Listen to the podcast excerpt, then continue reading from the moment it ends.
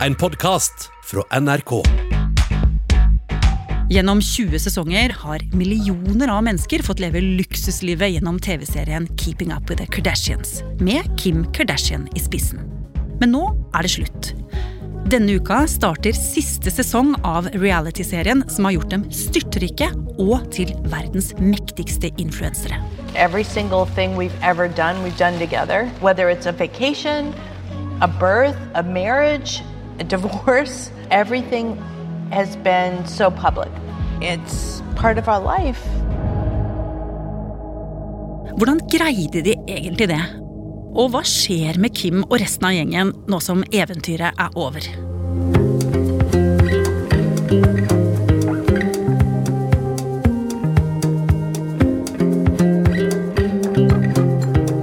Du hører på Oppdatert. Jeg heter Ragna Nordenborg. Mange vil nok si at eh, Kim ble født rik, og det kan nok stemme sammenlignet med de fleste andre, for eh, strøket Kardashian-klanen eh, vokste opp i Los Angeles, skiller seg nok ut fra de fleste andre. Bahare Viken er programleder i NRK Nyheter. Kim vokste opp på 80-tallet i en eh, ganske velstående familie som allerede var i rampelyset fordi den nå avdøde faren hennes Robert Kardashian var en anerkjent advokat som bl.a. forsvarte den amerikanske fotballspilleren OJ Simpson. Kim's godfather and one of Robert Kardashian's closest friends, O.J. Simpson, was charged with the murder of his Nicole Brown Simpson, and Ron Goldman. Familien Kardashian sin omgangskrets besto av noen av verdens største kjendiser og milliardærer, og hun gikk eh, også på samme skole som bl.a. Paris Hilton, og iblant når hun tittet over hekken til naboen, så kunne hun skimte selveste Madonna, som var på besøk hos manageren sin, som bodde i nabohuset til familien Kardashian. Og så vet vi jo at eh, som ung så ble hun tidlig opptatt av mote og fashion, og hun hadde så klart veldig lyst til å gå med de samme eksklusive luksusklærne som vennene sine. Men eh, selv om familien levde i et eh, ganske velstående miljø, så var ikke familien like rike som de andre i gata. Så pappa Robert sa at eh, Kim måtte jobbe for å tjene penger til det hun hadde lyst på. Det hele startet jo med at eh, gudmoren hennes, en eh, fin og forfengelig dame som het eh, Bernadette, spurte om Kim kunne hjelpe henne med å rydde opp i klesskapet hennes og kvitte seg med plagg hun ikke brukte. Skapet var overfylt med merkeklær som Chanel, Dior og Givenchy. Altså, dette var jo plagg Kim bare kunne drømme om å eie på dette tidspunktet. Ja, altså Rydde i en rik kvinnes klesskap, det var det som var jobben. Ja, det var faktisk det. Så Kim ryddet og sorterte hvert eneste plagg, og det som var til overs, foreslo hun å selge på eBay. Og klesskapprosjektet førte til stor suksess som Kim fikk en cut av. Og plutselig ville flere kjente navn jobbe med Kim, inkludert hotellarvingen som hun kjente fra skolen, Paris Hilton. Og snart var hun også assistenten til Paris, som på denne tiden var en av verdens største TV-stjerner, med realityshowet Simple Life, som hun hadde med venninnen og kjendisdatteren Nicole Ritchie. Kim og Paris ble raskt veldig gode venner, og Kim dukket opp i flere episoder av Paris Hilton sitt show. I love this closet. It's so good. What's going on with it? That is if I ever go to India outfit. Really? Yes. Are you planning on going?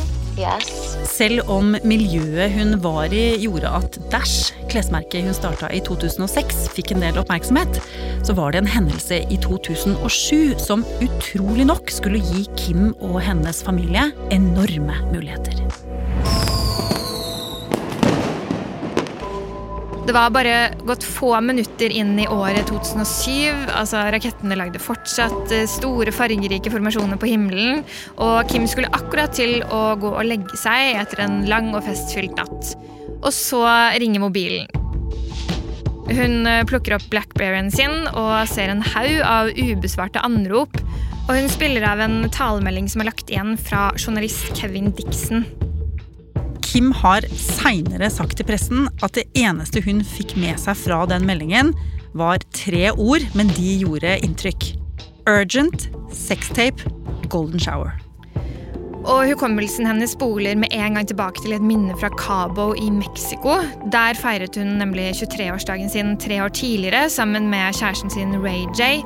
Han var broren til en artist mange kanskje kjenner til, som heter Brandy, som Kim tidligere hadde vært stylisten til.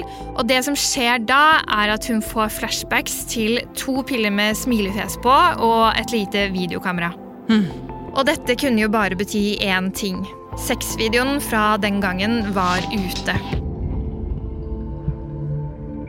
Det var pornoselskapet Vivid Entertainment som slapp videoen. De fortalte at de hadde kjøpt den av en tredjepart for én million dollar. Kim gikk til søksmål mot selskapet, men i stedet ble de etter hvert enige om et forlik der Kim Kardashian fikk fem millioner dollar for tort og svie. Hun har blitt mistenkt for selv å stå bak sexvideoen. Og det høres kanskje litt rart ut, men sextapes var jo blitt et fenomen på denne tiden, og folk var rett og slett blitt kjente pga. sexvideoene sine. Og venninnen Paris Hilton var en av dem. Så det å lekke en video av seg selv kunne bli en vei til berømmelse. Men Kim Kardashian skal jo ha avvist at hun hadde noe med denne videoen å gjøre. Det altså, det er jo bare rykter, men uh, mange påstår at uh, moren Chris Jenner skal ha vært med på å spre denne sexvideoen. Ja, og uansett hva sannheten er, så var jo mamma Chris Jenner flink til å utnytte seg av situasjonen og gjøre business ut av datterens nye kjendisstatus. For hun ville lage TV. Ja, for eh, realityserier var jo big business på denne tiden, og Chris kjente jo underholdningsindustrien veldig godt, og tok derfor et møte med produsent eh, Ryan Seacrest, som hadde hatt stor suksess med serien Familien Osborne. Crazy. Fucking thing. Why can't I why can't I get a normal fucking TV, man? And the nightmare continues. Nightmare in Beverly Hills. Og nå ville Chris at han skulle gjøre det samme med hennes familie. Så 30 dager senere var filmingen til serien Keeping Up With The Kardashians allerede i gang. All right, we're ready. No, no, no. You're right here. The wind, you guys. Where's Kim? Kim is always late. That's it, we're done. Og med Chris Jenner som eksekutiv produsent for serien, så hadde Keeping Up With The Kardashians stor suksess egentlig fra første øyeblikk. Ja, og Kort eh, oppsummert så var jo konseptet da å følge familien gjennom både familiedrama.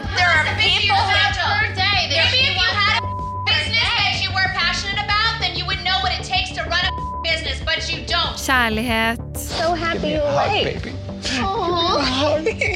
fødsler og skilsmisser. Krangler og til og med slåssing har vi jo sett. Rude. Are you kidding me? I swear to God, Stop. don't be What are you throw the thing on doing? me. I'll hurt you. Don't do that. Oh my god. Og selv om vi blir kjent med karakterene og kan følge de ulike linjene, så er jo alt det vi ser skripta, som det heter. Altså at det er villet det som kommer frem, og det er også delvis spilt ut. For det er jo ingenting av dette som ikke er fordelaktig for de som er med, Bahare. Nei, altså dette er jo en gjeng som helt fra starten visste akkurat hva de drev med, og de visste også å bruke serien som et slags utstillingsvindu for å tjene penger. Serien ga dem rett og slett store muligheter kommersielt, og Kardashian-familien vokste seg fort til å bli en enorm familiebedrift. For snart så herja jo familien i toppen på listene over de mest fulgte på Instagram og Snapchat, og alle ville jo jobbe med dem. Men det kostet å få en anbefaling av denne gjengen. Å samarbeide med dem om et innlegg på Insta for eksempel, kunne koste opptil 10 millioner kroner. Og I tillegg så etablerte resten av søskenflokken i tur og orden merkevarer og karrierer. Kim med sitt eget kosmetikk- og parfymemerke. Kendal ble en av verdens best betalte modeller. Og Kylie ja, hun ble verdens yngste milliardær gjennom merket sitt Kylie Cosmetics. Og serien Bahareh har jo blitt kritisert for at The Kardashians driver skamløs plugging av sine egne produkter i serien, og at innholdet jo påvirkes av hva den enkelte av søsknene har behov for. Og serien den bare fortsatte, og disse søstrene ble bare rikere og rikere. Men så kom det en annen person inn i livet til Kim Kardashian. En vi ikke har sett så mye til i serien, men som skulle gi både Kim Kardashian og hele The Kardashians liksom en ny omdreining. Ja, for I 2012 så ble det offentlig at eh, Kim Kardashian hadde blitt sammen med en av verdens største artister, nemlig Kanye West.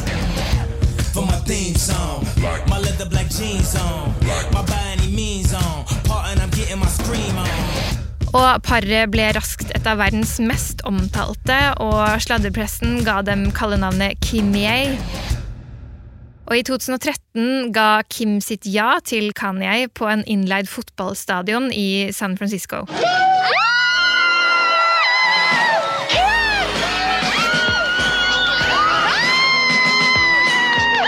To get engaged and then to see all my family and all my friends be there really surprises me. And it's so sweet that Kanye thought to bring them all here. Og både Kim og Kanye var over gjennomsnittet opptatt av klær.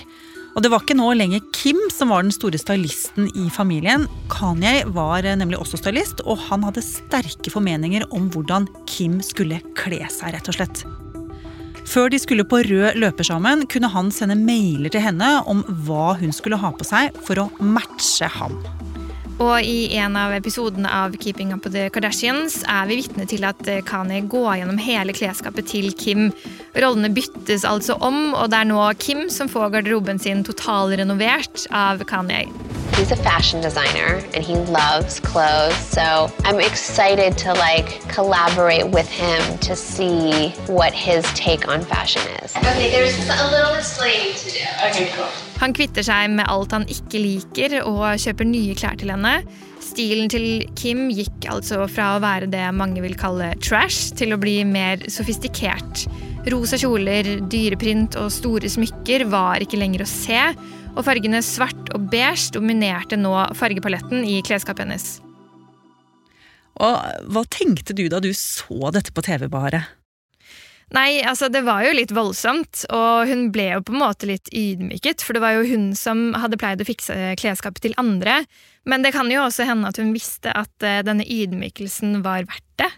Ja, og Kim og Kanye ble raskt eh, store moteikoner. Og de ble omfavnet av alle de store og seriøse motehusene.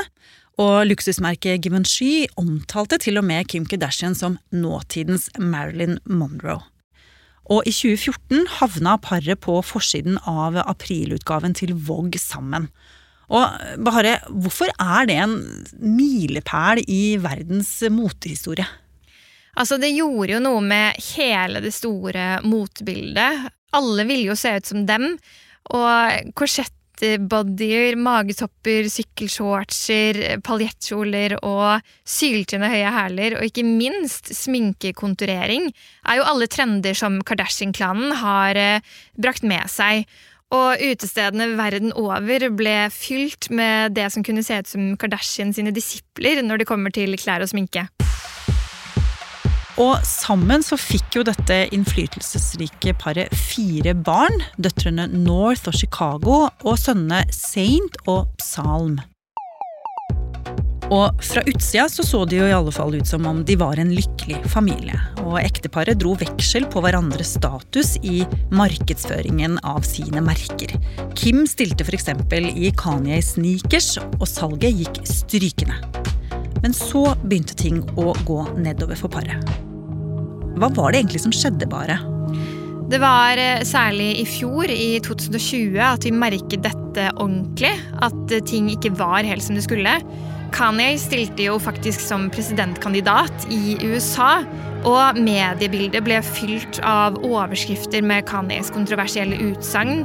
Det kunne være sitater som at eh, slavene hadde et valg, og at abort er feil. Mm.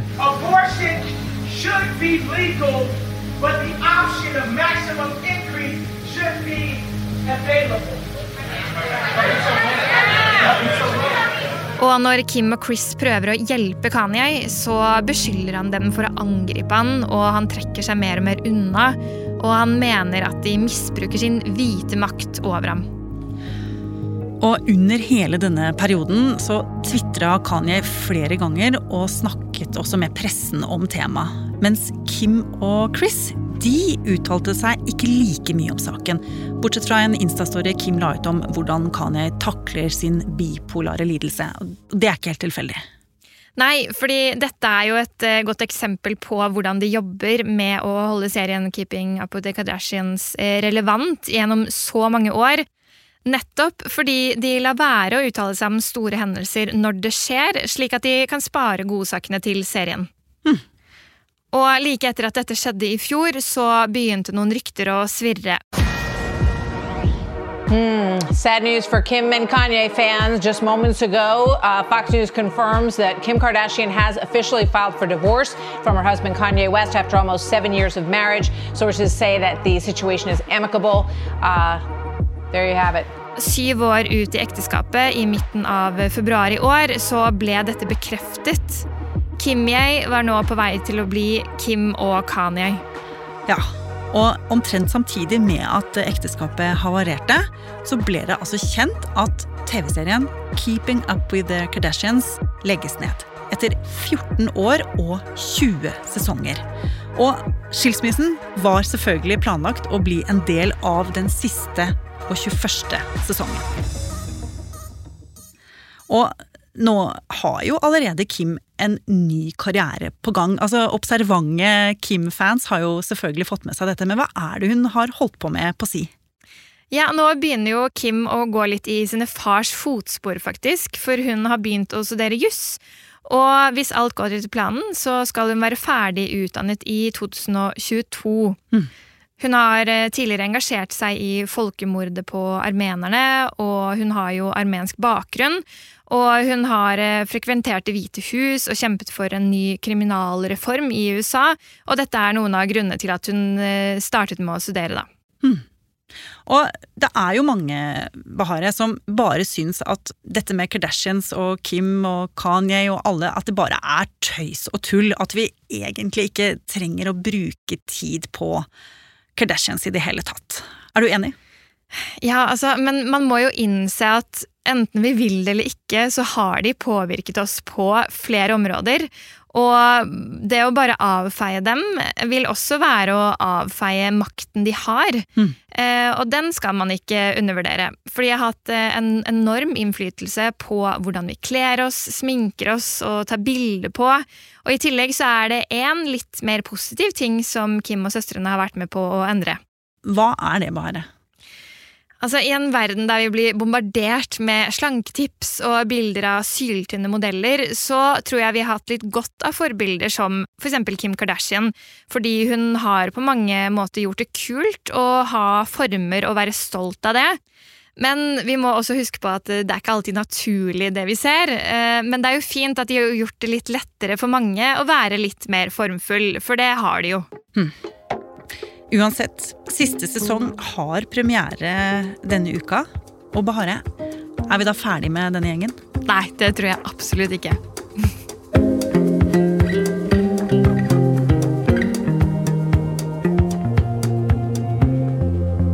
Har du lyst til å bli fast lytter av oss i Oppdatert og få påminnelse om nye episoder, så er det bare å abonnere på oss i NRK radioappen. Og så er det veldig hyggelig hvis du vil anbefale oss til en venn. Oppdatert er en podkast fra NRK Nyheter, og denne episoden er laget av Irina Kjelle, Andreas Berge og meg, Ragna Nordenborg.